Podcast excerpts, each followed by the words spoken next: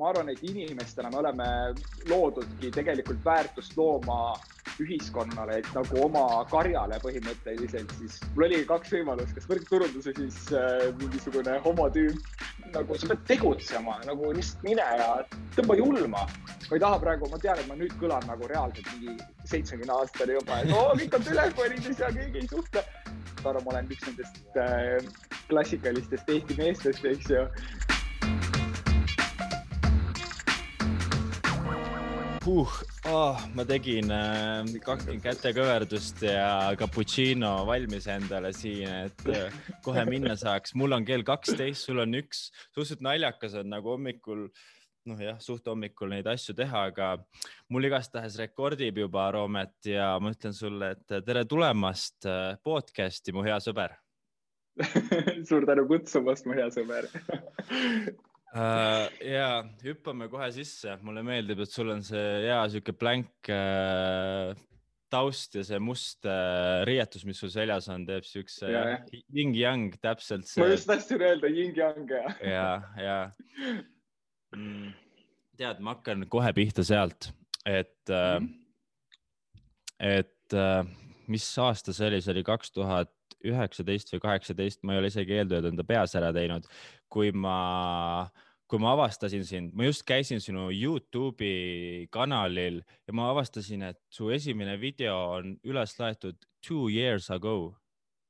nagu ma arvasin yeah., et sa oled ülipalju kauem olnud pildil. aa, okei okay. sest et, sest et sealt äh, kuidagi juhuslikult Youtube'i algoritm mind sulle äh, sind mulle kunagi ette söötis ja siis ma nägin seda videot, seda, mis oli viis minutit või mis selle nimi on, et see viis minutit võttis aega kaheksa aastat filmimist või midagi sellist. ja, ja, ja, ja, ja, ja. ja siis ma vaatasin, et, et see on kuidagi sihuke my type of guy, et täpselt selline, selline face, fast paced, mind ei koti type of huumor nagu, et et äh, tuleb, mis tuleb ja kui on naljakas, siis on ja kui ei ole, siis ei ole. ja, ja siis äh, jah, ma ei mäleta, kui palju hiljem sellest, aga võtsin ma sinuga ühendust. põhimõtteliselt ma võtsin sinuga ühendust sellepärast, et mul oli nii-öelda põhjus võtta, et sa olid justkui nagu influencer ja mina siis töötan turunduses, eks ole, et äh, aga mul oli sihuke oma huvi ka, et mis vend see on nagu ja et äh, ja siis ma approach isingi sinule niimoodi mitte nii ametlikul viisil, et ma saatsin sulle Instagrami DM-i, jõu, hakkame sõpradeks, lihtsalt oligi minu arust need ne neli sõna. Ja mõtlesin, et nagu kui, kui kellelegi üldse saata sellist DM-i, siis kellele veel, kui mitte sinule ja, ja mu arust sinu vastus oli suht sihuke, et okei okay,, kõlab, kõlab nagu plaan. ja siis ja, ja, ja siis hakkaski, siis me läksimegi esimesele nii-öelda miitingule, aga ma mäletan ennast, ma veel olin kontoris, siis mõtlesin, et kurat, ma olen kakskümmend kuus. kuidas kahekümne kuue aastaselt uusi sõpru saada? see on tegelikult nagu päris keeruline küsimus ja sa ei saa nagu noh, tuleb välja, et saab ikkagi lihtsalt DM-i ka libistada isegi sõprade saamiseks, aga mulle, ma ei olnud niisugust lüket nagu varem teinud, mis, mis sa sellest arvad? Ja selles mõttes, et äh, kõigepealt ja esimene küsimus muidugi, mis ma veel enne küsisin su käest, oli see, et ega sa juhuslikult selle võrkturundusega ei tegele. Ja kui ma sain eitav vastus, siis oli mingi okei okay,, roheline tuli. Ah,. muidugi mul on üks, üks asi, mis on, mida kõik inimesed mu ümber teavad, eluaeg on millegipärast äh, mulle lähenenud äh, homoseksuaalsete äh, huvidega inimesed samamoodi. Ehk siis nagu äh, mul oli kaks võimalust, kas võrkturundus või siis äh, mingisugune homotüüp, aga need tundusid nagu, nagu ma natukene tegin background check'i jah. kusjuures, kusjuures ma panin äh, sulgudes no homo ka ja, ja, ja ah,, ja see ütles ära. ja, sest okay. et ma ise ka arvasin, et see võib nagu niimoodi tunduda, just nagu ma ütlesin, et tegelikult on üli, noh, kummaline, sellepärast et väga paljud ei tee seda sellepärast see ongi siuke, et veits, et noh, sul peab mingi alibi olema, noh, mul oligi mingi alibi, eks ole, või see motiiv mm, -hmm. miks ja, seda ja. teha, aga, aga jah, ühesõnaga sealt niimoodi täiesti, täiesti kahekümne esimese sajandi moodusel me üksteist äh, leidsime, leidsime. jah, ja, ja siis, ja siis jah, me veits suhtlesime ja läksime sealt edasi selles mõttes, et me tegime paar projekti lausa, ma mäletan, Red Bulli aegadel siis ja, ja see on, see on olnud ülilahe, aga ma tahaksin kohe küsida sinult minna Youtube'i juurde ikkagi, et see põhjus, miks mm -hmm. ma mhm. sind leidsin ja, ja see põhjus, miks ma ise ka usun nii palju internetti ja selle enda nii-öelda olemasolu üleslaadimist, ongi see, et selle läbi sa tõmbad nii-öelda enda sarnaseid inimesi. aga räägi sina sellest, miks võttis sinul see esimene viis minutit aega kaheksa aastat ja kuidas oli sul see protsess ja miks sa üldse Youtube'i jõudsid oh,? see on ja, see on päris hea küsimus. mul tegelikult ongi olnud millegipärast, ma ei tea, miks, mul on eluaeg olnud see tunne ja teadmine, et äh, ma olen ekraanil, isegi kui ma ekraanile ei olnud kunagi põhimõtteliselt mitte mingis mõttes jõudnud, mitte mingit pidi siis mul oli alati teadmine, et ma niikuinii üks moment olen, nagu see on kõige kindlam asi üldse. ma ei tea, miks, niimoodi lihtsalt on millegipärast olnud. ja Youtube tundus nagu tol ajal üliäge selline platvorm olevat, siis ka kaheksa aastat, nüüd tänaseks kümme aastat tagasi. Et, äh, et ja see nagu ja Youtube, no siis veel eriti oli selline, et nagu sa võid ükskõik mida teha, nagu mitte ükski reegel sind ei puuduta, no mõningad reeglid ikka onju aga põhimõtteliselt lihtsalt täiega, täiega teha oma loovmahladel valla seal läbi veebiavaruste seda mahla igale poole laiali pritsida. Et, et selles mõttes mulle, mulle väga meeldis see, aga mis nagu probleem seal taga oli see, mis on üleüldiselt üks mu kõige suuremaid probleeme, on võib-olla selline perfektsionism, mis on eluaeg mind kõikide asjadega tagasi hoidnud. Ja oligi see, et okei okay,, ka nagu seal videos oli, mis oligi päriselt, kui ma olin kuusteist, ma rääkisin seal, et nüüd ma teen oma Youtube'i channel'i, siis oli see mõte nagu väga selge, aga kui ma hakkasin asju kirja panema, siis mul ei olnud piisavalt head ähm, ideed või nagu mõtlesin mingeid sketše või asju teha. Ja see ei olnud mu jaoks piisav, see ei olnud minu jaoks piisavalt täiuslik, et midagi sellist äh, luua. Ja see on mul kogu aeg olnud kuklas ja vahepeal see jäi nagu natuke tahaplaanile, aga siis ülikooli ajal, kui ma läksin Balti Film- ja Meediakooli audiovisuaalmeediat ja televisiooni õppima, kus see teema oli nagu tõusis jälle väga päevakorda, sest et nüüd ma põhimõtteliselt õpin seda asja, kuigi ma läksin sinna õppima selleks, et saada ekraanile, siis mis tuli välja, oli see, et nagu suht suurem osa, kaks tundi oli ainult, mis oli ekraani ees, ülejäänud oli kõik ekraani taga ja ma olin produtsent seal ka veel peamiselt, nii et ma lihtsalt äh, lugesin rahasid ja tegin telefonikõnesid. Aga see ei tähendanud seda, et ma seda muud haridust ei saanud, ma õppisin ikka nagu kõik teised, lihtsalt äh, teised olid väga palju, noh, tead küll, on see loov level on ju inimestel ja siis need, kes on väga kõrgel seal loov levelis, siis nad ongi, neil on nagu jumala suva ainult, nad on mingi lihtsalt ja las ma teen oma kunsti. aga. ja kus sina olid? ma olin äh,, ma olin seal väga allpool võrreldes nendega sest et mu teine valik oleks olnud äh, EBS-i minna õppima ettevõtlust ja ärijuhtimist, mis on üsna täiesti vastandlikud asjad, on ju, võttes nagu seda loovust ja siis nagu noh, mitte et ettevõtlus ei saaks olla loovusi, kindlasti on, aga lihtsalt seal sa pead päriselt asju tegema. aga ma olen kindlasti kuskil vahepeal, ma nagu tunnen väga tihti endas ära sellist loovinimese mingisuguseid veidraid kiikse ja asju, et et jah, aga, aga selles mõttes ja, et äh, ma isegi tegin ülikooli ajal ühe video, kus ja mul äh, üks ja mu kursavend, kellega me koos produktsiooni ettevõtte tegime, oli, et ta aitab ja mis iganes hakkame koos tegema, et tema toodab, tema saab ägedat content'i ja siis mina saan lõpuks ometi kaamera ees olla, jess ja, ja ma tegin isegi ühe video ära, aga selle ma tegin jälle ise ja see oli kuus põhjust, miks mitte MyFitnessis käia ja see video oli vist üheksa minutit algselt pikk ja ma monteerisin seda videot lühemaks vist neli või viis korda, kuni ta lõpuks oli kuus minutit äh, või isegi veel vähem pikk. ja ma ei olnud selle videoga lõpuks rahul, ma panin nii palju aega sinna sisse ja ma ei olnud rahul sellega ja see on mul siiamaani selles mõttes, et Youtube'i kanalil nagu unlisted, ta on seal olemas. Aga keegi ei näe seda ja ta lihtsalt seisab seal. ma loodan, et üks päev see tuleb välja ja seda oleks üks päev päris põnev näha või lasta nagu päriselt inimestel vaadata, aga, aga, aga ja, ja võib-olla ma, ma, ma usun hästi sellesse, et erinevad inimesed, kes meie ellu tulevad, äh, selles mõttes, et kuidagi motiveerivad ja suunavad mind. minu jaoks pöördeline punkt oli, kui ma läksin oma äh, praeguse kaaslasega kokku, kes oli ühtlasi ka mu esimene tüdruksõber äh, et tema on täiskohaga sotsiaalmeedia sisulooja ja siis ma nägin, et sul on tegelikult isegi päris hästi võimalik ära elada lihtsalt ka eestikeelset sisu luues ja siis ma olingi mingi, et okei okay, ja ma mõtlesin, et ma pean lihtsalt enda sees alla suruma selle perfektsionismi. ja ma tegin video, mis põhimõtteliselt ei rääkinud mitte millestki, vaid ma näitasin oma vanu klippe. Aga see oligi see põhimõte ja see statement minu enda jaoks, et ma lihtsalt teen selle ära ja ongi tehtud.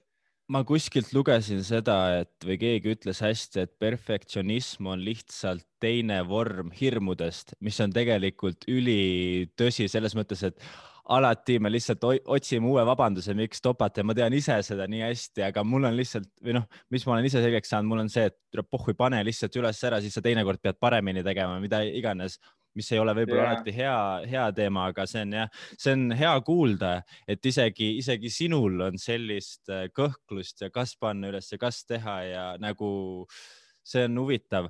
Äh, teine küsimus, mis ma tahan sult küsida, on see, et ennem kui sa enda praeguse kaaslasega Meriliniga siis kokku läksid, sa ju tegid videosi ikkagi ennem juba, eks ole äh,? no põhimõtteliselt Äh, küll ja, et selles mõttes, et see video oli filmitud ennem ära ikkagi, kui ma temaga kokku läksin.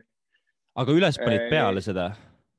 no me, no selles mõttes, et kuskil suht sel ajal, et kui me hakkasime suhtlema ja ma natukene sain äh, selgemaks kogu seda teemat. Mu esimene video, mida ma ei olnud üles, mis ei ole avalikuks tehtud, oli aasta aega enne seda või isegi poolteist aastat enne seda tehtud. et Äh, noh, see oli üks väikestest asjadest, ma ei ütle, et see oli nüüd nagu põhjus, et ma tahaksin raha hakata sellega teenima, see pole mitte kunagi olnud eesmärk, aga ta võib-olla andis sellise väikese lisatõuke veel äh, juurde, et sellest võib päriselt midagi välja kasvada, et see ei ole lihtsalt tühja tegemine. Ja tegelikult ma arvan, et kahe aastaga üleüldises mõttes ka Eesti sotsiaalmeedia äh, selline maastik on piisavalt palju arenenud, et täna ma seda ei mõtleks enam kindlasti mitte, sest et noh, ongi samamoodi erinevad äh, podcast'id, Youtube'i channel'id, asjad nagu on arenenud piisava kiirusega ja see noh, võib-olla seesama teadmine, et neid võetakse aina enam tõsisemalt. Muidu noh, täpselt nagu ma ütlesin sulle, et äh, kunagi kümme aastat tagasi Youtube oli selline koht, kus sa tegid, mis sa tegid ja noh, nagu keegi ei öelnud sulle peaaegu mida teha ja pane hullu lihtsalt ja seal olidki veidrad videod paljud ütlevad, et interneti kuldajastud olid seal, onju. et praegu, praegu meid ikkagi algoritmid ja asjad kontrollivad ja me peame vaatamisminuteid ja asju nagu võimalikult palju saama, sel ajal oli nagu jumala suva. aga mul on küsimus, kuidas sa nii kiirelt kahe aastaga oled tõusnud selles mõttes tippu, et kui me vaatame sinu vaatajanumbreid, need on nelikümmend, viiskümmend tuhat, ma ei tea, võib-olla isegi rohkem, viisteist tuhat jälgijat või subscriber'it, eks ole, Youtube'is. kuidas sul nagu nii äh, kiirelt on see läinud, mul oleks niisugune küsimus isegi ma ei, ma ei oska öelda, ma ei tea, kas see kiirelt on, võib-olla on, võib-olla mõne jaoks on, võib-olla mõne jaoks ei ole äh,. Tead, see on selline asi, ma arvan, et see on niimoodi, kui ma ise, kui sa küsid niimoodi, ma arvan, et see on niimoodi. nagu ma ka just ütlesin, et nende videote tegemine ei ole mul mitte kunagi olnud raha pärast vahel ma filmin endast äh, selliseid äh, videoid nagu päris vlog ehk siis videoblogisid, eks ju, kus ma lihtsalt räägin ja ma võin vabalt aeg, tund aega järjest rääkida, sõidan autoga näiteks äh,. okei okay,, jah, siis mul ei ole telefon käes, aga okei okay,, mul on nagu telefon käes, ma ei taha lihtsalt mingeid jamasid saada pärast yeah.. no selles mõttes, et ma olen täiesti teele keskendunud, aga ma hoian telefoni, et lihtsalt ma saaks natukene emotsiooni.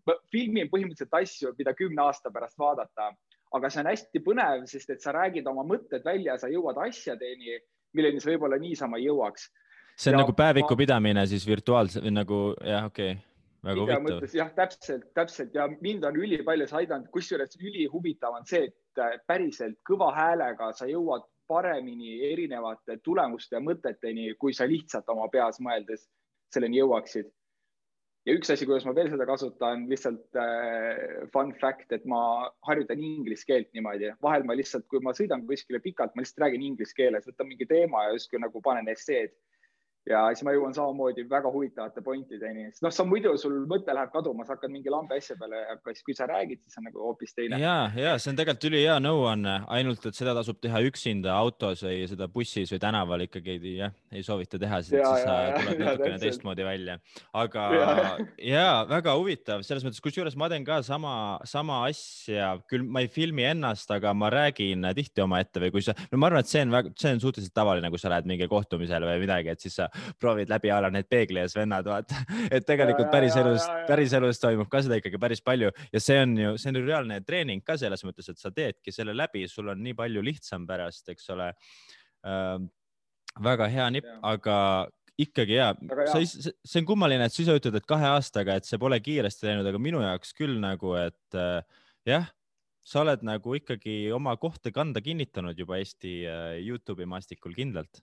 no, no selles mõttes, et äh, jah, võib-olla, võib-olla tõesti, noh, selles mõttes, et jah, aga just oligi, et nagu miks see on, ma arvan, et see ongi see, et siis kui ma rääkisin ühes nendest videotes, oligi see, et kui ma vähemalt ähm, mul on kuidagi selline missioonitunne, ükskõik, mis ma teen, ma tahan, et ma, et seal oleks päriselt mingi väärtus.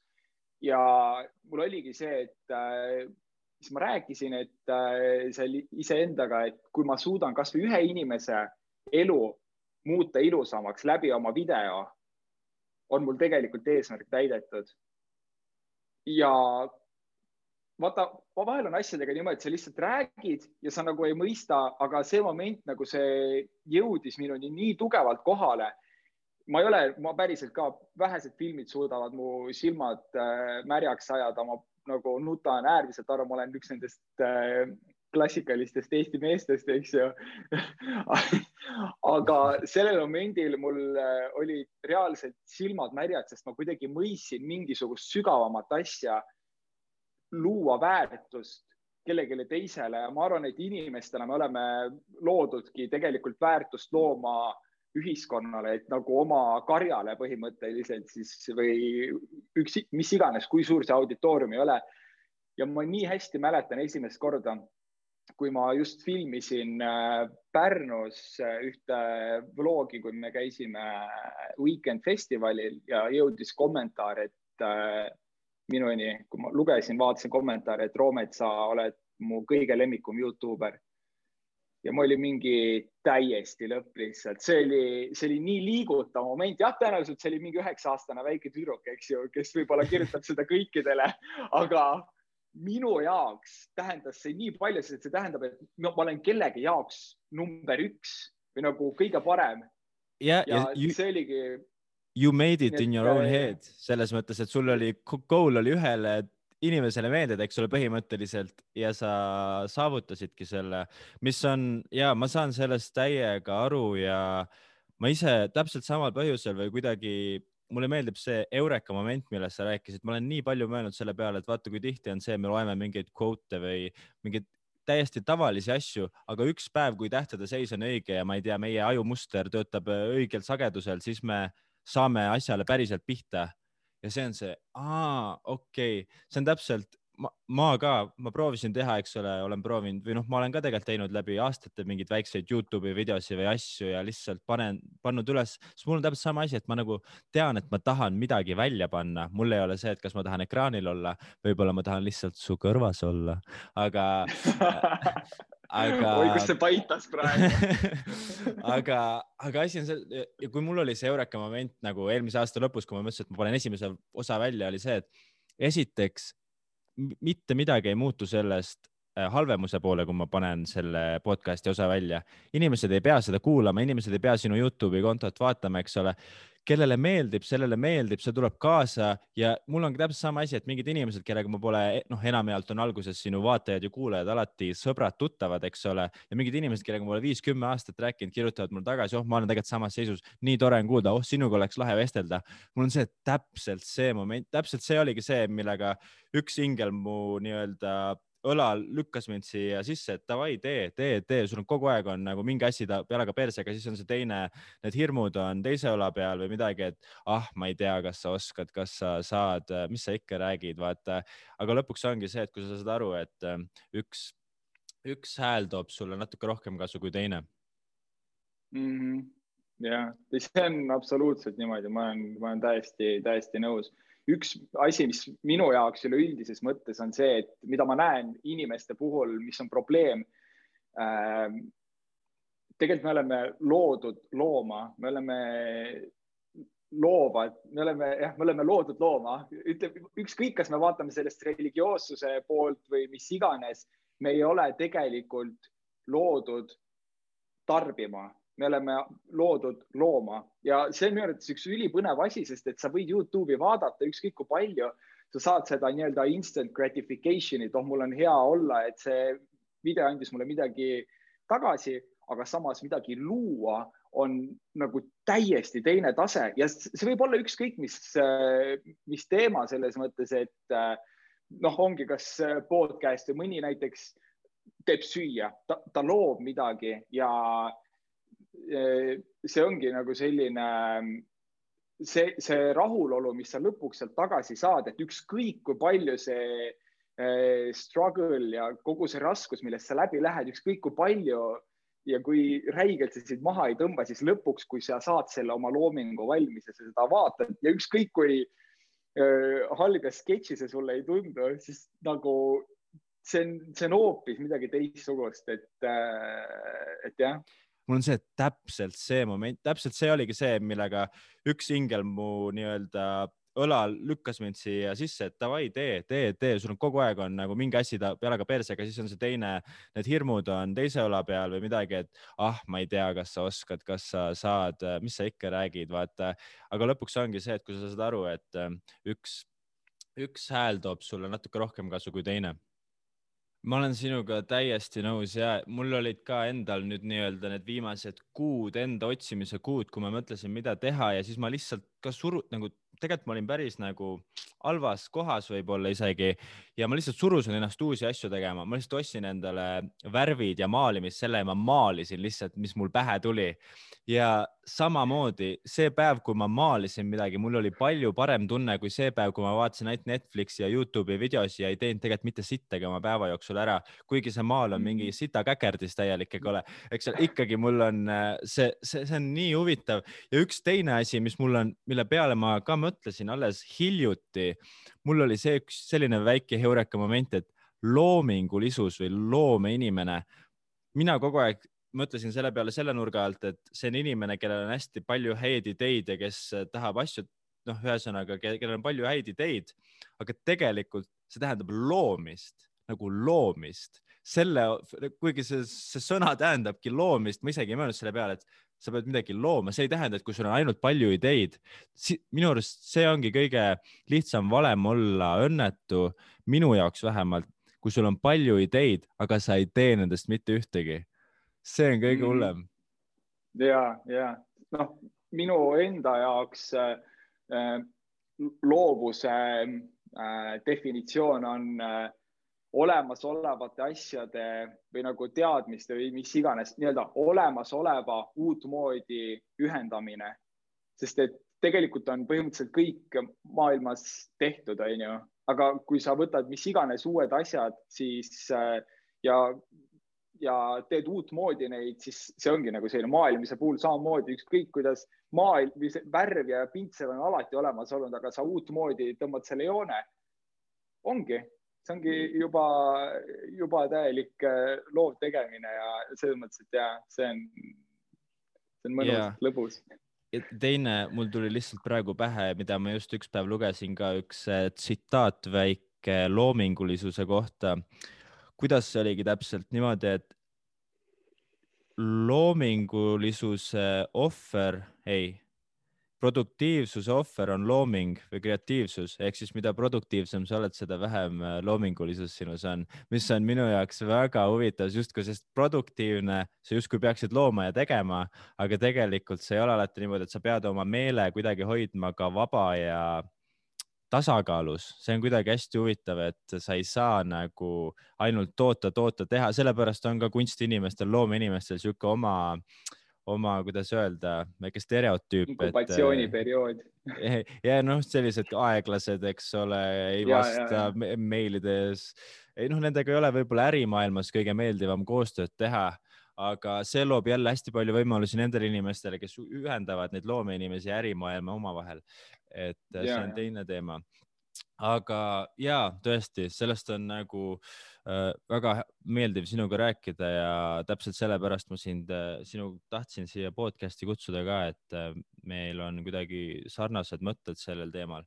aga üks asi, mille peale ma olen ise hästi palju mõelnud või kuidagi oma mõtte suunanud viimasel ajal, ongi tulevik meediamaastikul, nii-öelda üldse tarbimine, mis saab, kuhu suunas me läheme, et äh, jah, ma olen siin äh, tarbinud igasugust sellesuunalist äh, teemat ja kui sa, kui sa noh, oleme kõik täiesti ratsionaalsed, mulle tundub, et inimesed ei ole siiamaani aru saanud äh, interneti nagu power'ist või sellest võimsusest või mis, mis võimalused see meile annab, et me täna ühe korra salvestame seda podcast'i siin ja siis see jääb potentsiaalselt igaveseks nagu meie äh, tulevased lapse, lapse, lapse, lapse, lapselapsed äh, näevad ka seda podcast'i, eks ole, ja et see mm. nagu see compound efekt ja see hakkab ainult minema, aga paljud ei kasuta seda ära enda jaoks.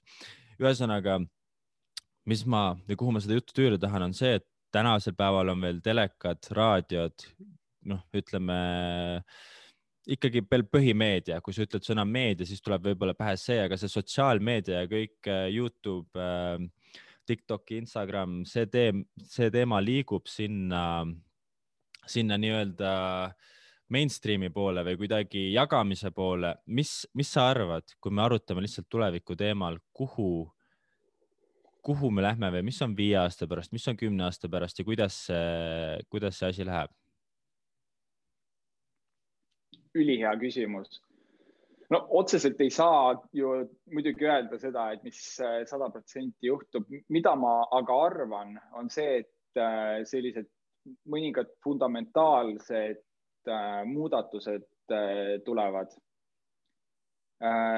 ma näen kõige suurema muutusena tõenäoliselt seda, et needsamad loovinimesed, kes oma platvormidele loovad lähima viie aasta jooksul kuigi see juba on tulnud, aga ma arvan, et selline parem meetod kõige rahastamiseks, see selles mõttes, et ja võib-olla ausam meetod selle kõige rahastamiseks, sest et tegelikult kvaliteet, mida luuakse, on nii kõrge, et see võib vabalt võidelda täpselt selle peavoolumeedia ja muude raadioasjadega, eks ju et seesama, mis me siin teeme, noh, välja arvatud minu need klapid, sinu mikker on juba täiesti raadiotasemel põhimõtteliselt, eks ju, et äh, et see, see level lihtsalt tõuseb nii palju kõrgemale, aga miks sina peaksid vähem saama tasustatud kui keegi teine?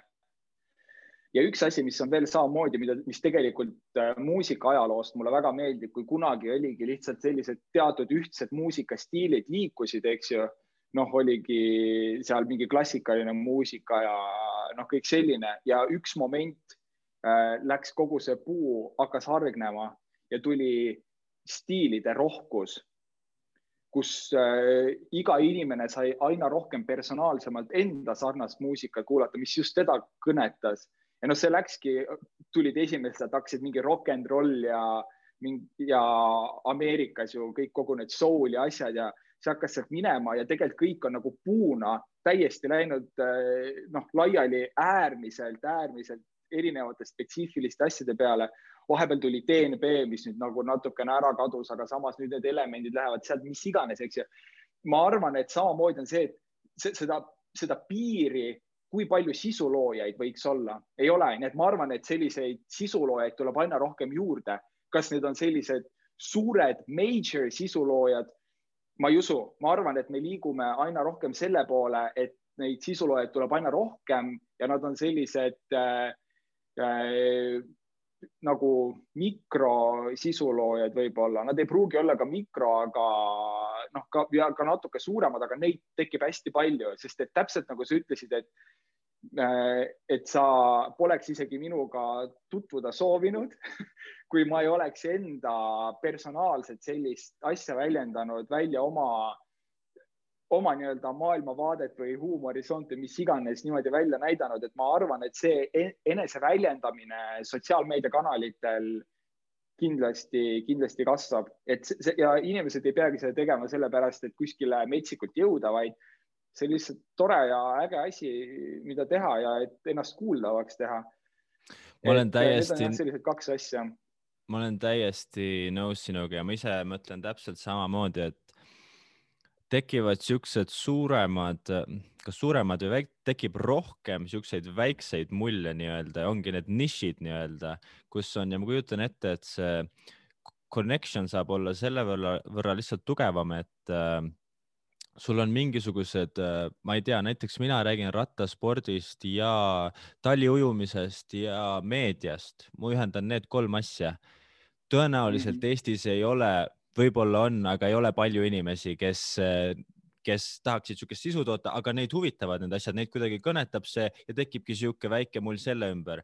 mingile tüübile meeldivad äh, Pokemoni äh, need äh, kaisukarud, eks ole ta kogub neid ja teeb selle üle oma content'i, mingid inimeste, mingitele inimestele meeldib see ja see ühendab neid jälle ja nende vahel on see päris suhtlus eks ole, et sul ei mhm. ole see, et sa vaatad lihtsalt telekat ja siis äh, sul ei ole tegelikult mingit suuremat connection'it seal, eks ole. et ma arvan, et tegelikult täpselt. lõppude lõpuks see internet ikkagi ühendab meid rohkem selle võrra, et mitte sa ütlesid, et ma ei oleks tahtnud sinuga ühendust võtta, kui ma ei oleks seda video näinud. tegelikult äh, asi on selles, et ma ei osanud, eks ole, ma oleks tahtnud ja, ja küll.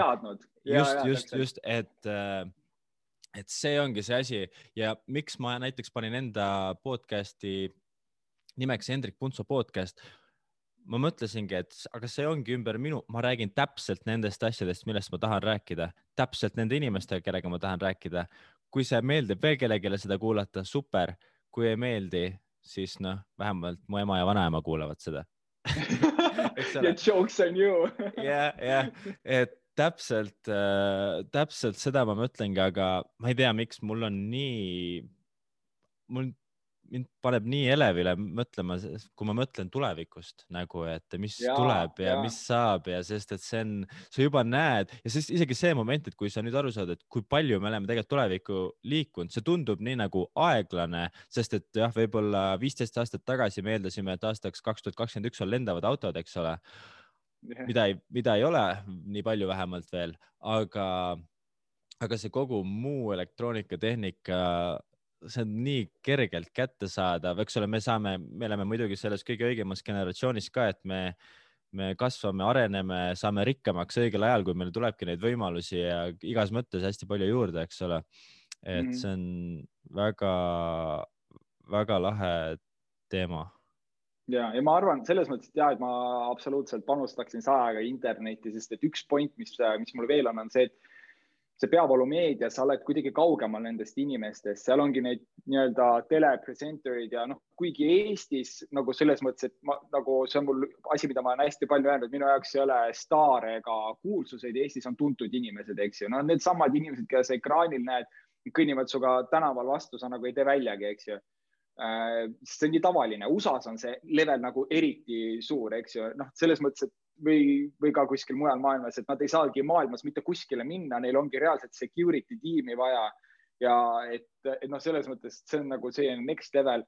aga ma arvan, et ka isegi praegu telemaailmas on see, et see sein jääb sinna vahele, et miks internet nii hea on, on see, et kui sa vaatad seda content'i, siis need inimesed on nagu sõbrad sulle ja täpselt see, mida sa ennem ütlesid, et äh, lähtuvalt huvidest, eks ju, su sõbrad ongi ju sarnaste huvidega, ehk siis sa otsid endale sarnaseid inimesi ja sa jälgid neid ja nad on nagu justkui sõbrad sulle. samas kui tele, nad on lihtsalt nagu sellised toredad, vägevad inimesed, aga sa ei connect'i kunagi nendega sellisel sõbra tasandil ära. vähemalt minu arvates, et noh, sotsiaalmeedias sul on samamoodi võimalik nii palju rohkem sisu toota.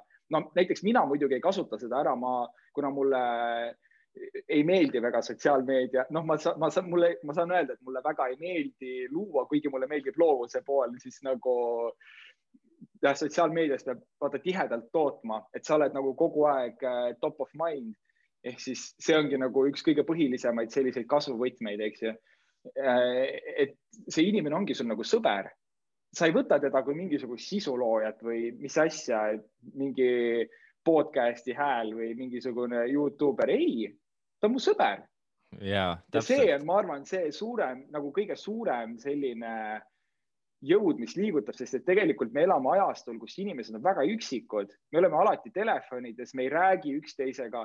Veider on uusi tutvuseid üldse teha, täpselt nagu sa ütlesid, onju, et nagu kui sa kuskilt ülikoolist või lihtsalt keskkoolist või põhikoolist või lasteaiast ei saa oma tutvuseid, siis kust need nagu veel tulevad, noh, see ei ole, no ma nagu ise näen teadlikult vaeva selle nimel, aga me oleme ülimalt üksikud, me oleme nii üksikud inimesed tegelikult ühiskonnana, me oleme oma telefonides, eks ju. Ma ei taha praegu, ma tean, et ma nüüd kõlan nagu reaalselt mingi seitsmekümne aastane juba, et oo, kõik on telefonides ja keegi ei suhtle. Aga tegelikult on see, et äh, see human connection, see äh, see, et sa saad minna ja avastada ja teha midagi, seda jääb aina vähemaks. aga kui sa saad läbi ekraani pakkuda kellelegi teisele seda, siis see ongi see, kus tekib see ühendus. ega samamoodi mina näen oma Youtube'i kanali sellisena, et ma võtan oma vaatajad kaasa asjadele, mida nad tõenäoliselt muidu ei teeks. Ma pakun neile elamusi, mida nad võib-olla ise ei teeks, see ei tähenda, et nad ei saa seda teha, aga nad ei pruugi, ma annan neile lihtsalt mõnusas ja toredas kompaktses vormis kolmeteist minutiga selle, mis eh, muidu neil oleks mingi ulme ajamine. no nagu, kui ma tegin koroonakindla auto, onju, see on nagu see lihtsalt naljakas projekt. just vaatasin täna. autot keegi ei hakka ostma autot, et sinna mingeid toole ja asju niimoodi panna, palju lihtsam on vaadata video ja justkui tunda, et sa oled sealsamas. Ja seal on nii huvitav on see, et Youtube'i content kuidagi by nature, ma ei tea, seal on kindlasti mingid psühholoogilised faktorid ka, aga see on nii palju lihtsamini tarbitav, seda on nii palju lihtsam vaadata minu arvates hommikusöögi kõrvale kui Netflixist mingit seriaali või midagi ja seal on nagu see, seal on see oma nii-öelda jah, nišš või see grupp, millal mm -hmm. seda tarbida täiesti olemas. aga ma tahaks äh, rääkida sellest teemast, mis korraks ka hakkas sisse tulema juba meile sotsiaalmeedia nii-öelda halb külg, dark, dark side, eks ole. et äh, jah me räägime küll, et tootke kõik sisu, eks ole, ja, ja samal ajal siis sa ütled, et ärge olge telefonis ka, eks ole. tegelikult see nii ongi, et sa peaksid olema telefonis ideaalses maailmas ainult nii palju, et sa saad oma inspiratsiooni ja connection'i tehtud sealtkaudu, eks ole, ja siis sa lähed, elad elu ja teed neid päris asju, eks ole. ja jah, nüüd on igast need, äh, mis see oli, Social Dilemma, see film, eks ole, Netflixis. super hea. super hea, väga on point, eks ole, aga minu jaoks mm, -hmm. ma kõigepealt seletan enda nägemuse sellest asjast ära, on see, et mm -hmm. igal asjal on, eks ole ju hea külg ja halb külg, ying ja yang, eks ole, täpselt äh,, täpselt see, sest et see ei ole, ühtegi asja ei ole olemas maailmas, mis on ainult hea, eks ole, ja ainult halb, kõik tuleb mängu, sõna tasakaal, tarbi seda nii palju, kui sul vaja on mis on sinu mõtted, mis sa lisaksid sellele või kas sa oled nõus yeah.? Ja ma täiesti sada protsenti nõustun, ma arvan, et sotsiaalmeedia ja internet üleüldises mõttes on äh, noh, ma, ma arvan, et ta on võib-olla lihtsalt ülistatud, et see on nii tore ja ilus asi, sest et seal teenitakse nii palju raha, kõik minu arvates langeb samamoodi kunagi tubakatoodet ju öeldi, et see on väga tervislik, need on tervislikud suitsud, teleekraanidel sirgelt tõmmati Marlborot, öeldi, et see on äärmiselt tervislik suits, et tehke seda no mis täna me teame, et see ei ole tervislik, eks ju, aga tol momendil, kui regulatsioone asju ei olnud, see oli veel piisavalt uus selles mõttes, siis nagu lihtsalt turundusega sai hullu panna ja me kõik usume turundusse, eks ju. samamoodi näiteks, kui palju isegi minu vanemad ütlesid mulle, et hommikusöök on kõige olulisem toidukord. kas sa tead tegelikult, kust see tuli äh,? USA-s oli vaja hommikuhelveste müüki tõsta ja seal üks selline, seal nagu ja põhimõtteliselt turunduskampaania loodigi selle ümber, et hommikusöök on kõige olulisem söögikord. Ja tänu sellele müüdi rohkem hommikuhelbeid. Ja kas sa saad aru, sellel samal turundussõnumil on olnud kogu ülemaailmselt nii suur tagajärg, et minu vanemad ütlesid mulle siin Eestis, kellel ei ole mingisugust seost selle sama hommikuhelbeste tootmisega, eks ju ja, või nagu sellega, et see jääb nagu sisse ja internetiga ja kogu selle sotsiaalmeediaga on samamoodi Youtube'is samamoodi, see on nii tore, aga samas tegelikult sa ju annad oma aega, et seal reklaame vaadata. Ja kõik, kogu sotsiaalmeedia, mida me niimoodi kasutame, see on nii tore, see on nii tore, sest et nagu reaalselt seal ongi kasu mängus. sinu tähelepanu eest saadakse raha. Ja see on üks selline, selline asi, millele tuleb vaadata natukene teise nurga alt. mulle meeldib igasuguse asjaga, täpselt nagu sa ütlesid, tuleb tasakaalu hoida. ma olen ise küll täiskarsklane, aga mulle meeldib tuua paralleele et kui tegemist oleks alkoholiga, siis kuidas ma seda tarbiksin, see on samamoodi, sa saad alkoholi tarbida niimoodi, et sa lihtsalt tõmbad reedel kuttidega mingi davai, bottoms up onju. Äh, või siis sa saad minna kuskil reedel oma kaaslasega välja, võtad sellise hea filee mignon äh, liha, väike punane vein sinna kõrvale, sulle räägitakse pikk jutt, sul on kogu see ajalugu seal. Ja noh, nende, neid kahte ei saa isegi mitte võrrelda. Sotsiaalmeedia, kõik see on imeline maailm, aga see on täpselt nagu alkoholiga, väikses koguses ja õige, õieti ära kasutades, sest ma ise, ma ütlen ausalt, ma olen äh, Youtube'i sõltlane olnud, nii-öelda recovering addict põhimõtteliselt. ülikooli ajal mul ei olnud televiisorit ja see süvenes eriti tugevalt. ma olin uhke ühtepidi selles, et oh, ma televiisorit ei vaata, onju, aga samas nagu ma panin tunde Youtube'i seda content'i vaadates ja see on nii naljakas, sest et täpselt nagu sa ennem ütlesid, et Youtube on nii hea, kuidagi seda sisu on nii hea saada, eks ju, et nagu hommikul lihtsalt vaadata, ongi see, et tegelikult äh, hea sisu, nüüd ma saan sulle Youtube'i video mõttes, kuidas ka mina oma videoid üles ehitan, on see, et äh, kõik nii-öelda nagu jälgib siis seda story arch'i ehk siis meil on sissejuhatus, teema areng kliimaks, olukorra lahendus ja siis ongi noh, põhimõtteliselt kõik sarjad ja asjad on samamoodi üles ehitatud, eks ju. alati on mingi cliffhanger, et aa, nii põneva, põneva koha peal on ju, või siis filmides, eks ju, et see on olukord, siis ta hakkab tegema, siis on point of no return ehk siis, kus kangelasel ei ole enam võimalik tagasi minna ja ta peab nagu lihtsalt lõpuni ära minema ja siis midagi juhtub ja siis ta on on false resolution alati ehk siis, kas ta sai surma või oo, kas see lemmik, see vend sai surma, aga tegelikult ei saanud ja kõik on tegelikult tore, et tegelikult need story arch'id on alati samasugused, sest et aju reageerib ülimalt, ülimalt hästi täpselt sellesama asja peale.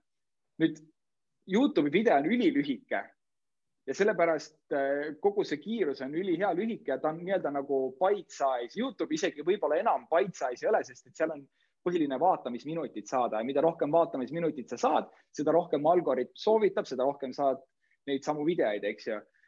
mis ongi naljakas, ma ise olen selle vastu, ma olen nagu sõltlane ja, aga samas ma toodan ise, ma olen justkui nagu alkohoolik, kes toodab ise viina jah, jah, see aga... alkohol, alkohol ja sotsiaalmeedia on hea võrdlus, aga äh, ja see fakt, et sa oled karsklane, on minu jaoks väga huvitav, sellepärast et mul on täpselt sama asi, et noh, mul, ma tunnen, et mina suudan alkoholi ära kasutada enda kasuks. Äh, selles mõttes, et peol mul on palju vabam, äh, kõik need siuksed väiksed asjad, just see väike punane vein, eks ole, mõnus, kõik asjad. aga, aga sellest ma saan aru, miks olla karsklane, eks ole, või miks sa oled selles mõttes, et äh, jah, see on elustiil ja kõik on okei okay., aga mina väidaksin, et ilma sotsiaalmeediata elada on nagu null.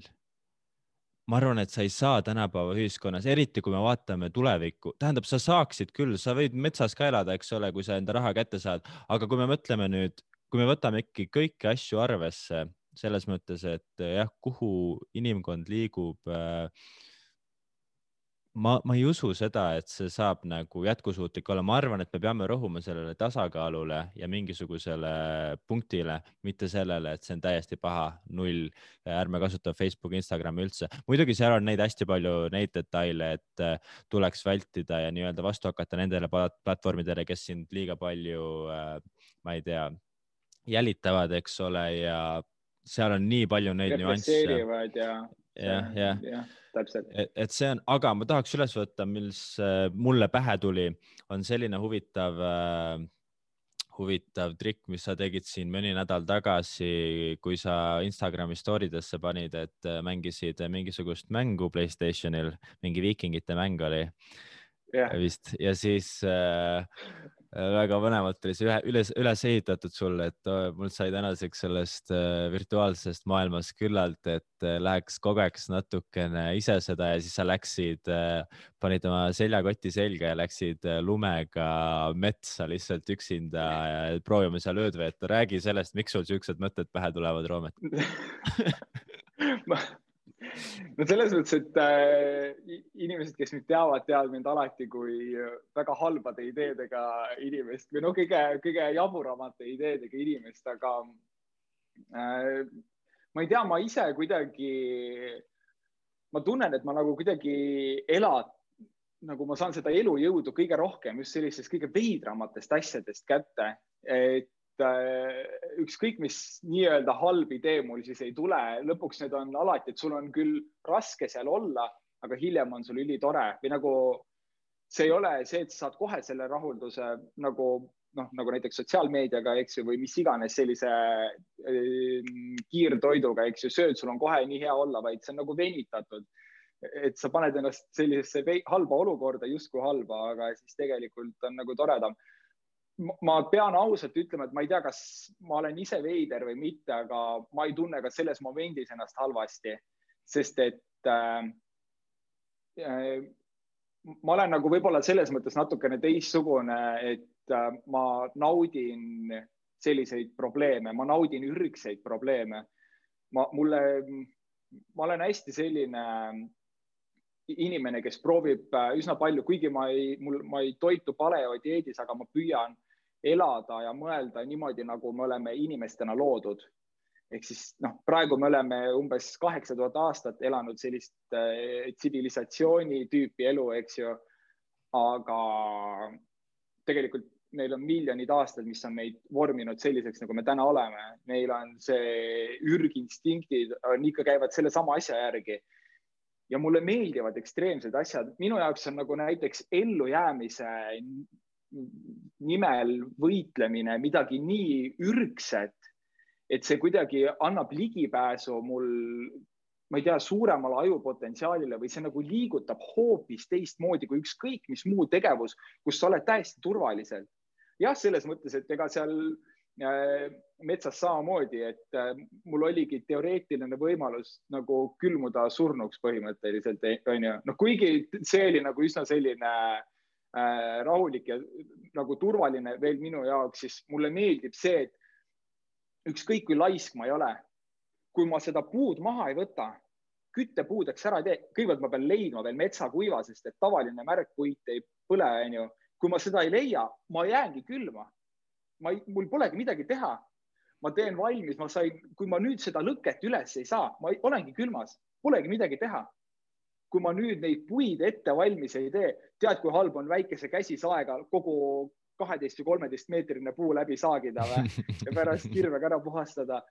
äärmiselt ebameeldiv, kas ma mõtlesin ka mõneks hetkeks selle peale? absoluutselt mitte, sest et sa kuidagi lülitud täiesti teise sellisesse nagu ellujäämisvormi ümber, sa, sa unustad kõik välise ja sa teed seda, milleks sa tegelikult loodud oled, ellu jääma ja tead, ma ka just äh, viimastel nädalatel olen testinud seda inglise keeles selle nimi on vist intermittent fasting, äh, see mm. kuusteist pluss kaheksa, sellepärast et mul, ma olin nii närvi ajas see, et ma pean kolm korda päevas sööma, hommikul sööd ära, siis läheb juba on kõht tühi, teed mingeid oma asju, aga jälle pead minema midagi vaaritama lihtsalt või tegema, eks ole.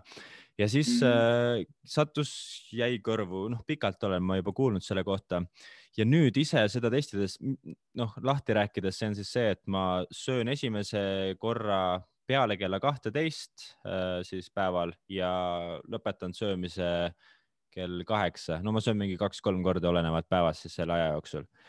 ja mis on nii huvitav, on see, et näiteks hommikul mul on nii palju parem fookus just sellel põhjusel, et äh, sul on ürgsel põhjusel on üks visioon su pea hakkab, aju hakkab äh, automaatselt keskenduma ainult ühele asjale, sellepärast et vanasti oli see toidu saamisel, eks ole, just sa ei hakka mõtlema, et kurat, kas täna peaks minema seda tegema või ei peaks. ja teine asi ongi see, et mul on reaalselt nälg midagi süüa, muidu tekib lihtsalt see moment, et mul käib see insuliini level käib üles-alla, mis lihtsalt noh, sugar cravings, ma tahan midagi saada, eks ole. aga kui ma teen -hmm. seda fasting ut, siis mul on see, anna mulle kuradi riis ja oad, mul ei ole vaja muud, mul on lihtsalt kõht tühi, saad täis, sest et me laseme, me anname muidu endale selle nii-öelda moodsa aja probleemi, et ah, ei teagi, mida süüa täna, siis sa mingi tund aega paned selle peale, ah tahaks seda, ei taha seda. sa, need on nagu nii nõmedad probleemid, sa paned nii, me paneme nii palju yeah. aega selleni, aga tegelikult need on võimalik nagu elimineerida sellega, et sa panedki ennast just täpselt sinna ebamugavasse seisu korda jälle. ja yeah. Üks äh, mõte, milleni ma olen äh, jõudnud äh, vi, ah, just viimane kord, kui ma nüüd inglise keeles rääkisin iseendaga oli see, et äh, oli see, et hästi huvitav on, et me elame tegelikult täna justkui täielikud kuningad. me ei ole loodud niimoodi elama, isegi tavaline inimene pole loodud niimoodi elama. oh, mida ma sooviksin, ma sooviks, ma sooviks, võtad Woldi kätte, onju, ma sooviks seda süüa ja tuuakse. Meelelahutage mind. Sul mitte ei tule kuskil narr välja, vaid sa avad Youtube'i või Netflixi ja sa saad meelelahutust. Sa oled nagu lihtsalt see royal vend, kes lihtsalt on mingi aga nagu kõige halvemas viisis. Või no mitte kõige halvemas, aga nagu üsna halvas minu arvates. Nagu neid kuningaid, kes nagu päriselt äh, riike juhtinud, vaid lihtsalt nagu neid mõnusid ja õukonna sellist asja ja nagu seda on, seda on nii palju, et me ei ole loodud olema selline, ma ei tea, kas kunagi paastunud oled või nagu pikemalt äh, kui kuusteist tundi? Äh, ja ma vist olen kolmkümmend kuus tundi teinud, mulle see no, ei meeldinud too moment. Äh, mul oli see siis, et ma töötasin täiskohaga, me tegime tüdruksõbraga Teaga samal ajal seda ja siis mm. mul oli suht palju füüsilist tegemist ja ma läksin nii närvi lõpuks, et nagu noh, ma ei saanud oma, ma tegin valel ajal seda, aga ma ei ole teinud. ühesõnaga, ma tahaks ja, kindlasti ja, proovida siukest kolmepäevast no. või midagi siukest ka ja, ja no see on no selles mõttes, et see on ka huvitav, no sa, sa pead muidugi teadlikult seda tegema, et see ei ole, seal on nagu palju infot, aga nagu, mis ma jälle mõtlen ürgsel viisil, eks ju, on see, et nagu see oli täiesti tavaline. see, et sa said üks päev, ma ei tea, mingisuguse antiloobi kuskil kätte, onju, sõid oma külas ära sellega, sa ei saa seda liha kuskile panna ja sa pead selle ära tarbima, sest et säilitusasja ei olnud, onju. ja see on üks ülimalt põnev asi, mis minu jaoks on, mida ma võib-olla kõige rohkem igatsen tänapäeva ühiskonnas, on see, et me oleme loodud elama jaga, jagamisühiskonnas. sa oled seda, seda kõrgemalt sind hinnatakse, mida rohkem sa teistega jagad, sest et äh, sa, kui sa said metsas näiteks looma kätte, sa jagasid kogu oma külaga seda ja kõik olid, et kurat, see on äge vend. aga täna me oleme, elame selle ümber, et kes suudab rohkem hoida ja omada. oo, tal on selline auto, ta on nii rikas tal on mingi selline, see on äärmiselt suur vahe. ja me embrace ime ja ütleme, et vaata, kui äge ta on. ta on nii palju endal hoidnud ja nii vähe ära jaganud. Kuigi me ei ole loodud selliseks. see on ülihea point tegelikult jah ja, ja see ongi huvitav, et noh, okei okay,, ma praegu võib-olla sellest fast'ist natukene ja lähen, lähen üle, aga äh, ülihuvitav on see, et äh, on tehtud nii-öelda study sid vaadatud, hetkel ju saab samamoodi vaadata neid äh, hui, need, ma ei tea, kas eesti keeles on hunter-gathererid, kes praegu elavad metsas, kellel on siis põhimõtteliselt null kontakti tsivilisatsiooniga, onju. et kuidas nemad elavad? Noh, mingi kontakt neil nüüd on, eks ju, kui keegi käib ja uurib, kuidas nad elavad, aga nad panevad nädalas umbes kuusteist kuni kaheksateist tundi toidu saamisele ja ülejäänud aja nad lihtsalt on. Nad on oma perega, räägivad jutte, nad räägivad jutte, see on sama, mis me rääkisime story arch on ju, et mis toimub, Youtube, Netflix, kõik on lood, mida räägitakse.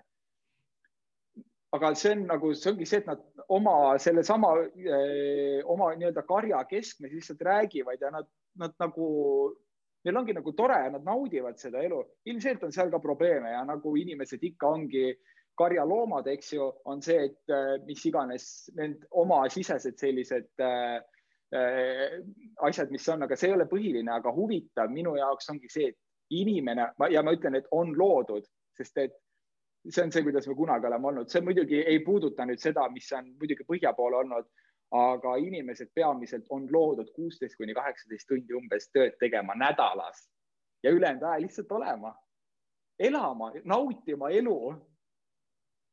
see ongi ma... nagu lihtsalt huvitav ma olen jällegi nii nõus sellega, et äh,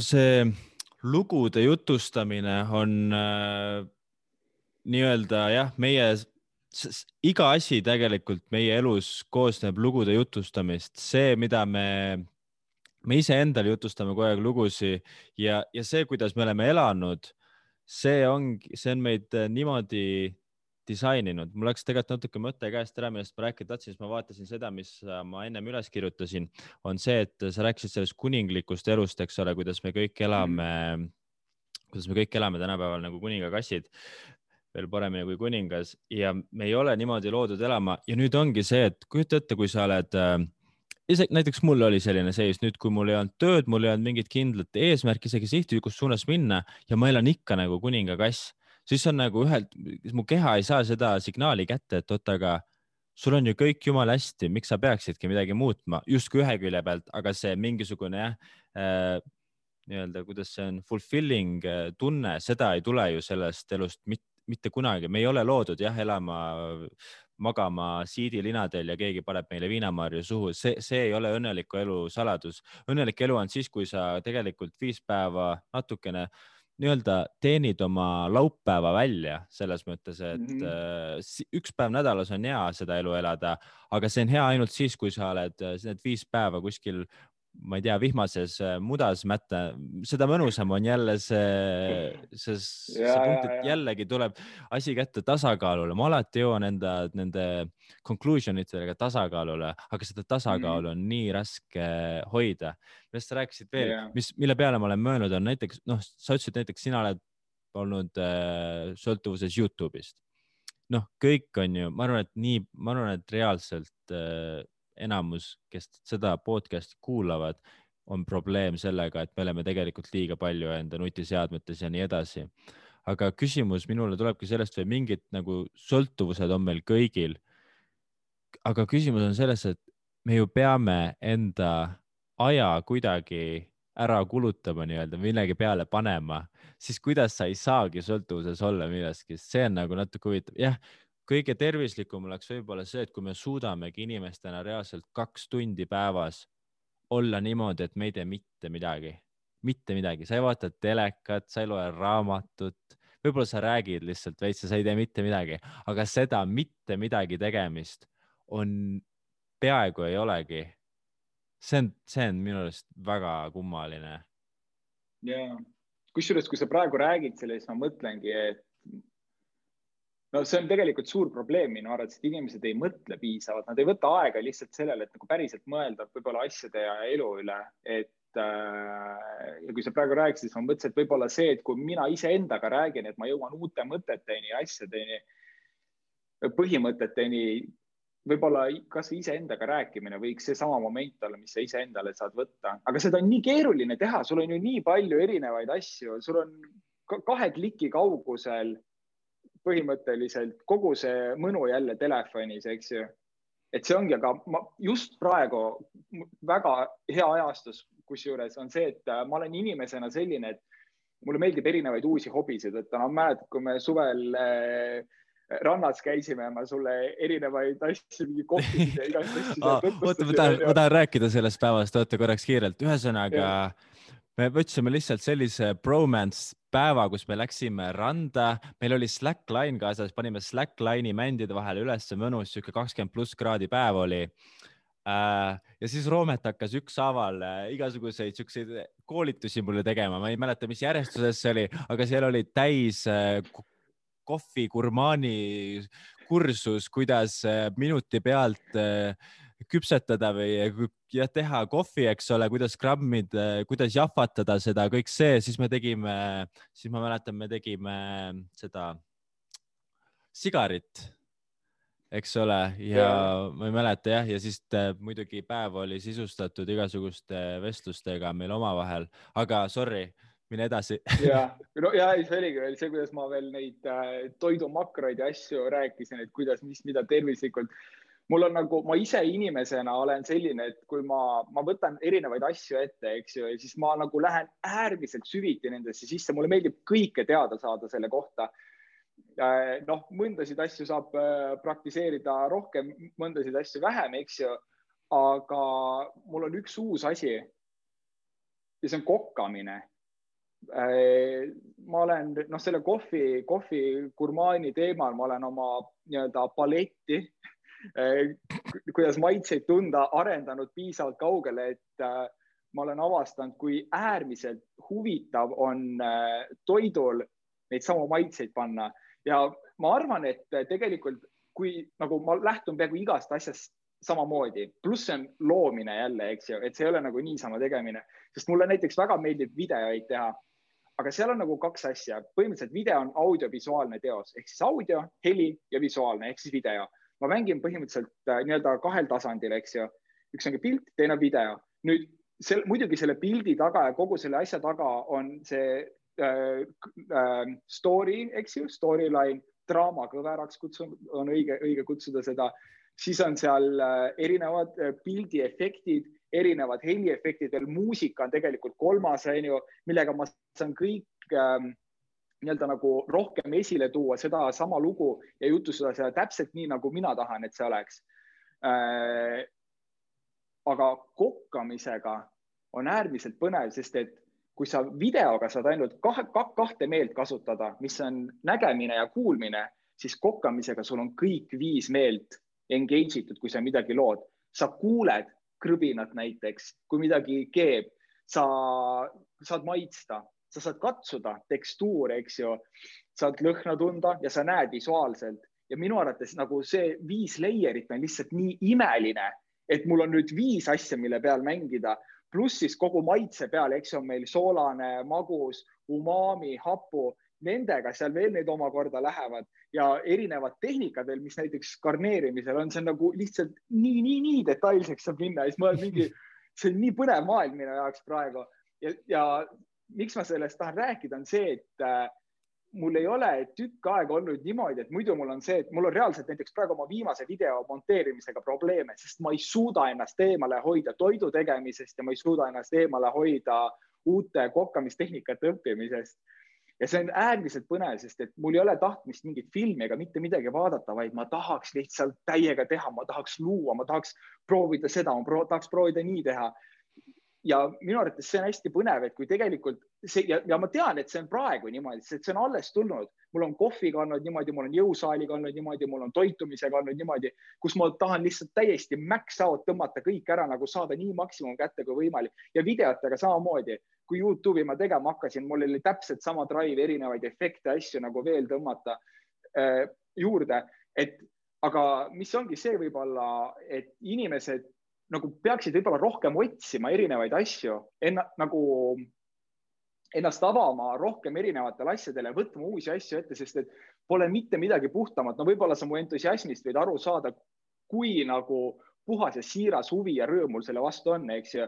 jah, ilmselgelt see mingi moment langeb ära, ma tean seda, onju, aga mul jäävad kõik teadmised ja seesama asi, kui ma näiteks praegu kohvi teen ja saan korralikku head specialty kohvi, see endiselt on nagu ülimõnus, ma tean, et ta pole enam seal levelis, mul pole nii palju õppida, aga kui need teemad vahetuvad piisavalt kiiresti, siis see on nagu ülilahe võimalus midagi luua, aga samas sul on ka meel lahutatud.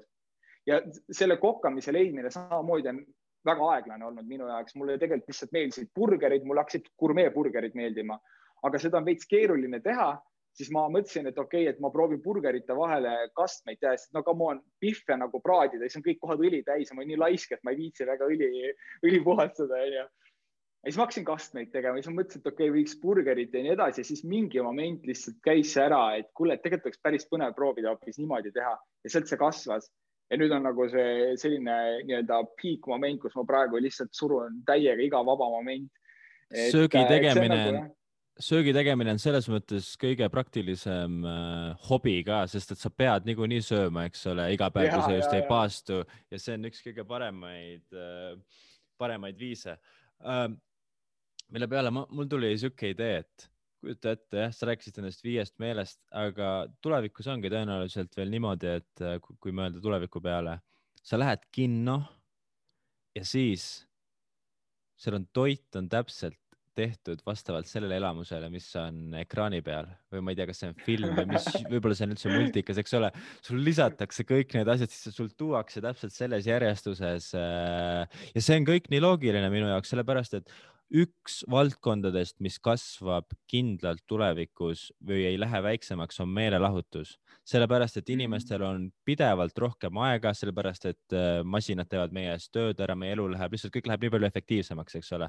meelelahutus mm -hmm. kasvab, tähendab seda, et ka see sektor kasvab, tähendab seda, et tulevad uued võimalused tähendab seda, et tulevadki siuksed asjad nagu kinod, kus sa maksad sada eurot pileti eest, aga sa saad sellise kogemuse, et, äh, et on kogetud ja, ja, ja kindlasti selles mõttes, et ja mis veel on minu arvates personaliseeritus, et kõik muutub aina isiklikumaks ikkagi. no me juba lähme tagasi sinna, kust me alustasime. et äh, võib-olla kunagi on filmid sellised, et saad ise valida, kas on õnneliku või kurva lõpuga ja massaažid ah,, oh ei, on juba praegu ja ähm, ei, hea jutt. ma küsin siia vahele random küsimuse, aga mis sinu puhul millest sinu puhul ei saa üle ega ümber, sa kannad põhimõtteliselt ainult musta värvi riideid, mis teema on sellega? see, see on tegelikult päris äh, naljakas lugu, mis sai ka ülikooli ajal alguse, oli see, et äh, sellel ajal, see oli üldse nagu selline ülikool, ma arvan, et on palju selline avastamiste aeg tuleb nii halvasti ja viib mõtted nii valesse kohtadesse. no pigem enese leidmise, otsimise aega. mul oli nagu see, et mulle hästi meeldis startup'ide mentaliteet ja äh, ma ei mäleta, mis selle Snapchati asutaja nimi oli ja noh, Steve Jobs on vist üks kõige kuulsamaid sellise ühe outfit'i kandjaid onju. ja ma nagu ma uurisin selle, et mis seal taga täpsemalt on ja siis oligi see, et tegelikult meil on päevas teatud arv valikuid, mida me saame ratsionaalselt teha see on täpselt sama põhjus, miks me näiteks äh, õhtuti valime mingisuguse ma ei tea, krõpsupaki või siis mingi magusa koogi või no mis iganes cheat meal'i järgi, eks ju, on see, et me peas ei jõua ratsionaalselt enam seda tugevat otsust vastu võtta ja me läheme kergemat teed. nüüd ja kui nüüd päevas on teatud arv neid otsuseid, mida me saame ratsionaalselt ja hea sellise willpower'iga teha, siis äh, riiete valimine hommikul on üks nendest valikutest ehk siis, kui me teeme teatud valiku, et oo, ma panen need püksid, see pluus läheb vist sellega kokku, onju, see võiks nii olla, siis me juba teeme valikud kõige optimaalsemal ajal üldse hommikul, eks ju. ja sellest lähtuvalt oligi, ma mõtlesin, et ma võtan vastu sellise outfit'i, et valge T-särk, mustad teksad, valged ketsid ja must tagi peal. ja niimoodi ma käisin umbes aasta aega, võib-olla isegi, võib-olla natuke vähem, aga nädalavahetustel meeldis mulle ma ostsin kohe endale vist mingi viis valget T-särki ja hakkasin käima, jõle uhke, nagu päriselt jumala äge, mõnus oli, nagu ma olin kuidagi uhke selle valiku üle. see on tõenäoliselt sama, kui sa mingi hommikujooksu käid tegemas, vaata oh! et mul on äh, paar valikut vähem tehtud. Äh, ja siis, aga nädalavahetusel ma võtsin musta T-särki, mõtlesin, päris pull oleks ära vahetada ja siis mingi, mingi aeg mõtlesin, et kurat, must T-särk on tegelikult palju lahedam ja valged ketsid olid ka nagu läksid nii kähku mustaks, nii kui vihma sadas, see oligi nagu pekkis põhimõtteliselt. ma mõtlesin, et, et äh, ma ei tea, võiks vahetada musta vastu hoopis välja ja siis vahetasin ja nüüd on jäänud aga mis mulle tegelikult selle juures, see on naljakas, et kuigi see esimene idee selle taga oli see, et vähem otsuseid teha, no ma ei tea, ma ise ei tunne seda. see oli üks nendest täpselt eneseotsimise aegadest ja enese leidmise aegadest ega ma ei tea, mis tunne on, ma ei tööta nii palju päevas, et äh, ma saaksin peale kaheteisttunnist tööpäeva, et jep, siin tööpäeva lõpus tõesti mul oli rohkem otsustamisvõimet tänu sellele, et mul on üks riietus onju. aga sinna juurde tuli see, et kui ma nüüd päriselt hakkasin Youtube'i videoid tegema, siis mulle meeldib võib-olla see, et äh, must riietus otseselt ei ütle su kohta mitte midagi. ma ei tõsta oma riietusega mitte ühtegi asja endas esile. ma ei rõhuta oma riietusega mitte midagi, vaid ma lasen äh, särada sellel, mis mu enda seest tuleb ja kes ja mis ma ise olen. et tegelikult noh, see on täiesti, on olemas värviteadused ja asjad, kuidas on võimalik erinevate värvidega nii-öelda rõhutada erinevaid äh, isikuomadusi ja no sellest ma olen juba ka õppisin koolis, et noh, on põhjusega, miks mingid teatud tegelased, näiteks pahalased on alati musta riietatud. kuigi mulle väga meeldivad pahalased, ma ei ole ise pahalane, aga nagu alati, nii kui sa tead, et filmis mingi vend full black'is tuleb, okei okay,, see on nagu bad guy onju äh, et noh, seal on nagu päriselt selline asi taga, mitte et ma tahaks kuidagi halb või midagi olla, aga mulle meeldib, et äh, ma ei, kuidagi ma lasen lihtsalt äh, olla sellel ja pluss on veel see, et äh, äh, kui näiteks mingid nooremad inimesed või keegi peaks jälgima või vaatama, siis mulle meeldib, et isegi kui mul oleks võimalus rohkem riideid osta, siis ma ei tee seda. isegi kui mul oleks võimalus, siis ma ei, ma, ei tee seda koolis samamoodi mingisugused norimised sellega, et kellelgi on mingid vanad riided või et ta käib liiga palju ühe T-särgiga. see on, äh, me läheme, avame praegu muidugi väga sügava ja väga filosoofilise ja nagu et julma teema kooli kiusamine on ju, kuhu me tõenäoliselt sügavale ei tahaks väga minna, aga, aga selles mõttes, et Äh, kui mina saan jällegi, see on üks nendest kohtadest, kui kasvõi üks inimene saab öelda, et mis mõttes, et ma käin selle T-särgiga, vaata Roomet, ta käib kogu aeg selle ühe T-särgiga. et nagu, kas tal on midagi viga või? ja, ja. nagu kui keegi saab kasvõi seda öelda, siis on juba jälle, mul on nagu väga tore see, kusjuures jällegi riietumine üli äh, selles mõttes äh, on point teema me riietume iga päev, eks ole, mis valikut sa teed sellega seoses, väga oluline. Ja ma olen täiega nõus, näiteks minul endal on selline, selline, ma proovisin ka valida niisuguse enda nurga või kuidas ma seda asja teen.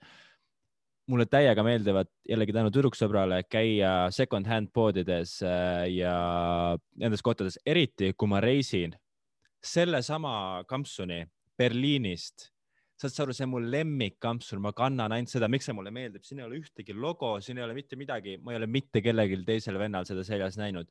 see kampsun, see olen mina, eks ole, mul on lugu ja, sellega, ma sain ühe särgi, sain Barcelonast, super lahe, mul on mingisugune teema ja, ja see on jälle taaskasutus, eks ole, kõik muud asjad sinna juurde. aga üks suur asi, mille peale või kuhu mina nii-öelda, mulle meeldib ka vahest mõelda natukene süvitsi mingite teemadega on brändid, eks ole, või mida me kanname. Äh, üks asjadest, mida mina enda ühe ülikooli aasta jooksul reklaami õppides teada sain, on selline, et sõna brandr, ühesõnaga sõna bränd tuleb sõnast brandr, mis on siis norrakeelne sõna äh, märgistamisele, karja märgistamisele. ehk siis leh, leh, lehmad, brändritakse ära.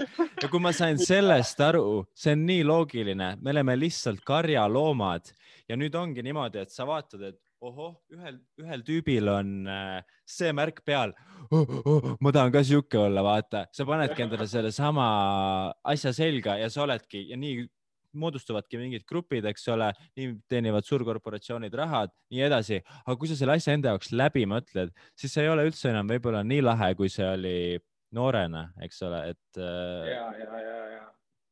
psühholoogia. ei, ma arvan, et ja, ja ma arvan, et selles mõttes, et ja väga-väga õige, mulle endale ka absoluutselt ei meeldi, et ma kellegi selline reklaamtahvel põhimõtteliselt olen. et ja et isegi kui ka enne seda, kui ma kandsin erinevaid riideid, muidugi ka siis oli mul alati kvaliteet üle kvantiteedi. et ma mõistan seda, kui sa maksad riide eest äh, rohkem, kui seal on päriselt parem kvaliteet, see riie ja mis iganes on nagu hoopis teine. Äh, üle selle, et sa lihtsalt nagu tahad näidata, et vaadake, mis bränd see on, et nagu vaadake seda, respect me lihtsalt palun, ma tahan meeldida teile kõigile, ma tahan keegi olla. Ja, ja see.... no ei pruugi alati niimoodi olla, aga, aga jah. No tõenäoliselt on niimoodi, et väga tihti juhtub see sellepärast, et äh, me lihtsalt äh, oleme harjunud sedapidi minema ja see on täpselt see asi, et sellepärast mulle meeldibki mõelda sisse, oota, aga miks me teeme seda niimoodi, miks me teeme siis lõpuks, lõpuks on kõik alati loogiline ja suhteliselt lihtne. see on äh, üks, üks, üks asi, mida ma olen õppinud. aga noh, kuule, nüüd me oleme rääkinud äh, igatpidi siin äh, riietumisest, toitumisest, koolikiusamisest ja, ja muudest probleemidest. üks küsimus, mida ma mida mulle meeldib küsida ja mis näitab, kuidas inimesed mõtlevad. ma küsin siukest küsimust, mis nõu annaksid sa kahekümne aastasele iseendale, kahekümne aastasele Roometile? Osta Bitcoini aga kui, aga kui Roomet oleks praegu kahekümne aastane, praeguses momendis ülihea, see on äärmiselt hea küsimus, sest et äh, see on nagu piisavalt, vaata selline vanus, kus sul juba on tegelikult isiksus välja kujunenud, aga samas nagu elukogemusi ja asju veel ei ole, onju. et äh, minu arust see on sihuke aeg, kus inimene hakkab mõtlema alles selles mõttes, et ja. kuni sinnamaani sa käid mööda rada ja siis sa pead hakkama esimesi otsusi ise tegema põhimõtteliselt, kelleks ma saan, eks ole, kus ma lähen, isegi jah, ülikoolid, värgid, särgid, aga jätka. ma arvan, et peamine asi, mis puudutab minu kõiki neid teemasid, on see, et usalda elu, aga seal on väga suur aga. ära unusta, et sa saad nagu elu muuta või et sa pead nagu päriselt selle nimel tööd tegema või kuskile poole liikuma. et nagu ma tulen, see on väga hea, et sa, sa tead mu spirituaalsest taustast, aga väga hea, et me ei puudutanud seda siin, ma ei tahaks avada ka seda äh, hetkel kindlasti mitte, aga ma tulen äh, kohast ja nagu sellisest vägagi, vägagi spirituaalse taustaga, kus on see, et sa pead aktsepteerima kõike, mis sinuga juhtub ja täpselt nagu me oleme jälle rääkinud, kõigega, kõigega peab tasakaal olema, siis spirituaalsusega see asi kipub nagu käest ära minema, eks ju. et äh, ma võib-olla ütleksin jah, et kuigi usalda elu, sest et, äh, et, sest et see võtab sult justkui nagu stressi maha. aga see, et sa nagu päriselt tead, et sa saad, et sa pead nagu millegi nimel nagu sa pead tegutsema nagu lihtsalt mine ja tõmba julma et nagu see ei ole see, et usalda elu, et oh, et kui peab nii minema, siis juhtub. oh, kui mulle sealt ei öeldi, siis ju siis nii peab minema. ei pea nii olema. praegu visatakse uksest ette, lähed kuradi aknast ja kui sa aknast lähed korstnast sisse, ootad jõulud ära ja kuradi tõmbad jõuluvana kostüümi ja lähed sealt korstnast, noh. et ei ole seda, et noh, ju siis nii pidi olema, et lihtsalt nagu suruda.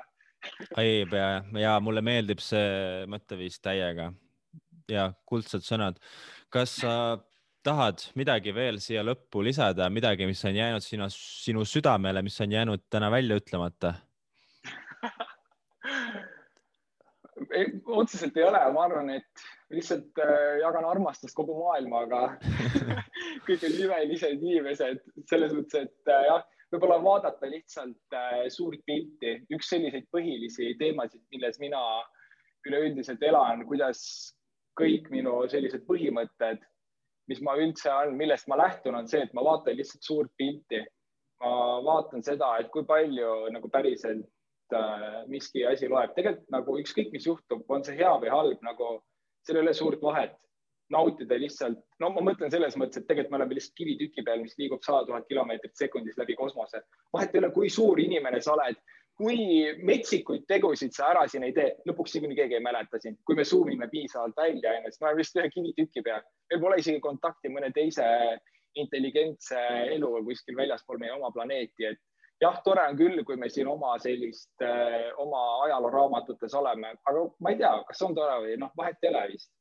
et nagu põhiline teema on lihtsalt nagu elada, elada lihtsalt olla rõõmus, noh, lõbus, see on nagu põhiline, ma arvan mulle meeldib see, et sa selle, mina nimetan perspektiiviks seda tööriista, mis on tegelikult nii võimas, et jah, me võime mõelda niimoodi, et keegi ei mäleta, kui me teeme kõige suuremaid asju siin maailmas, keegi ei mäleta seda, aga kuidas mina kasutan seda tavaliselt on see, et kui mul läheb midagi täiesti perse, ei tule üldse välja või samamoodi mitte kedagi ei koti, need kõigil on esiteks enda probleemid ja varsti ei mäleta sind ega sinu tegemistest mitte keegi, ehk siis jah väga mõnus, et sa selle ka siia saate lõppu ära mainisid. kuule, aga ma ei tea, minu arust äh, täiega tore saade oli, saade, podcast, et sa tulid, mul on hea meel, et inimesed äh, võib-olla need, äh, ma ei tea, üheksakümmend neli inimest, kes mu podcast'i kuulavad, saavad ka tundma seda Roometit, kes ei ole, sest et sul on, sul on selline iseloom, et sa oled nagu Youtube'is täiesti omamoodi tegelane, vaata ja tegelikult noh, eks see on tegelikult tavaline, aga päriselus sa oled teistsugune ja mul on hea meel, et sa oma mõtteid äh, siin äh, täna jagasid natukene teises formaadis jah, jah, täpselt ja Youtube ei ole jah see koht minu formaadi mõttes, kus ma nagu saan avada ennast, et see on ikkagi nagu, kui tehakse pilti, siis sa ikka naeratad, eks ju. et sa ei ole nagu tuimalt, see on sama, et mul on ka nagu jah, teatud osa, mida ma näitan endast, aga see ei tähenda, et jah, see ainus oleks. ja kuule, aga tänud tulemast ja järgmise korrani siis, davai ikka. absoluutselt. no tšau. episood on läbi suured tänud, et kuulasid ka selle osa lõpuni. kui sulle meeldis see ja tundub vähegi asjalik, siis palun jaga seda enda sõpradega, see on mulle väga suureks abiks. aga ja, kohtume järgmine nädal, davai ka, tšau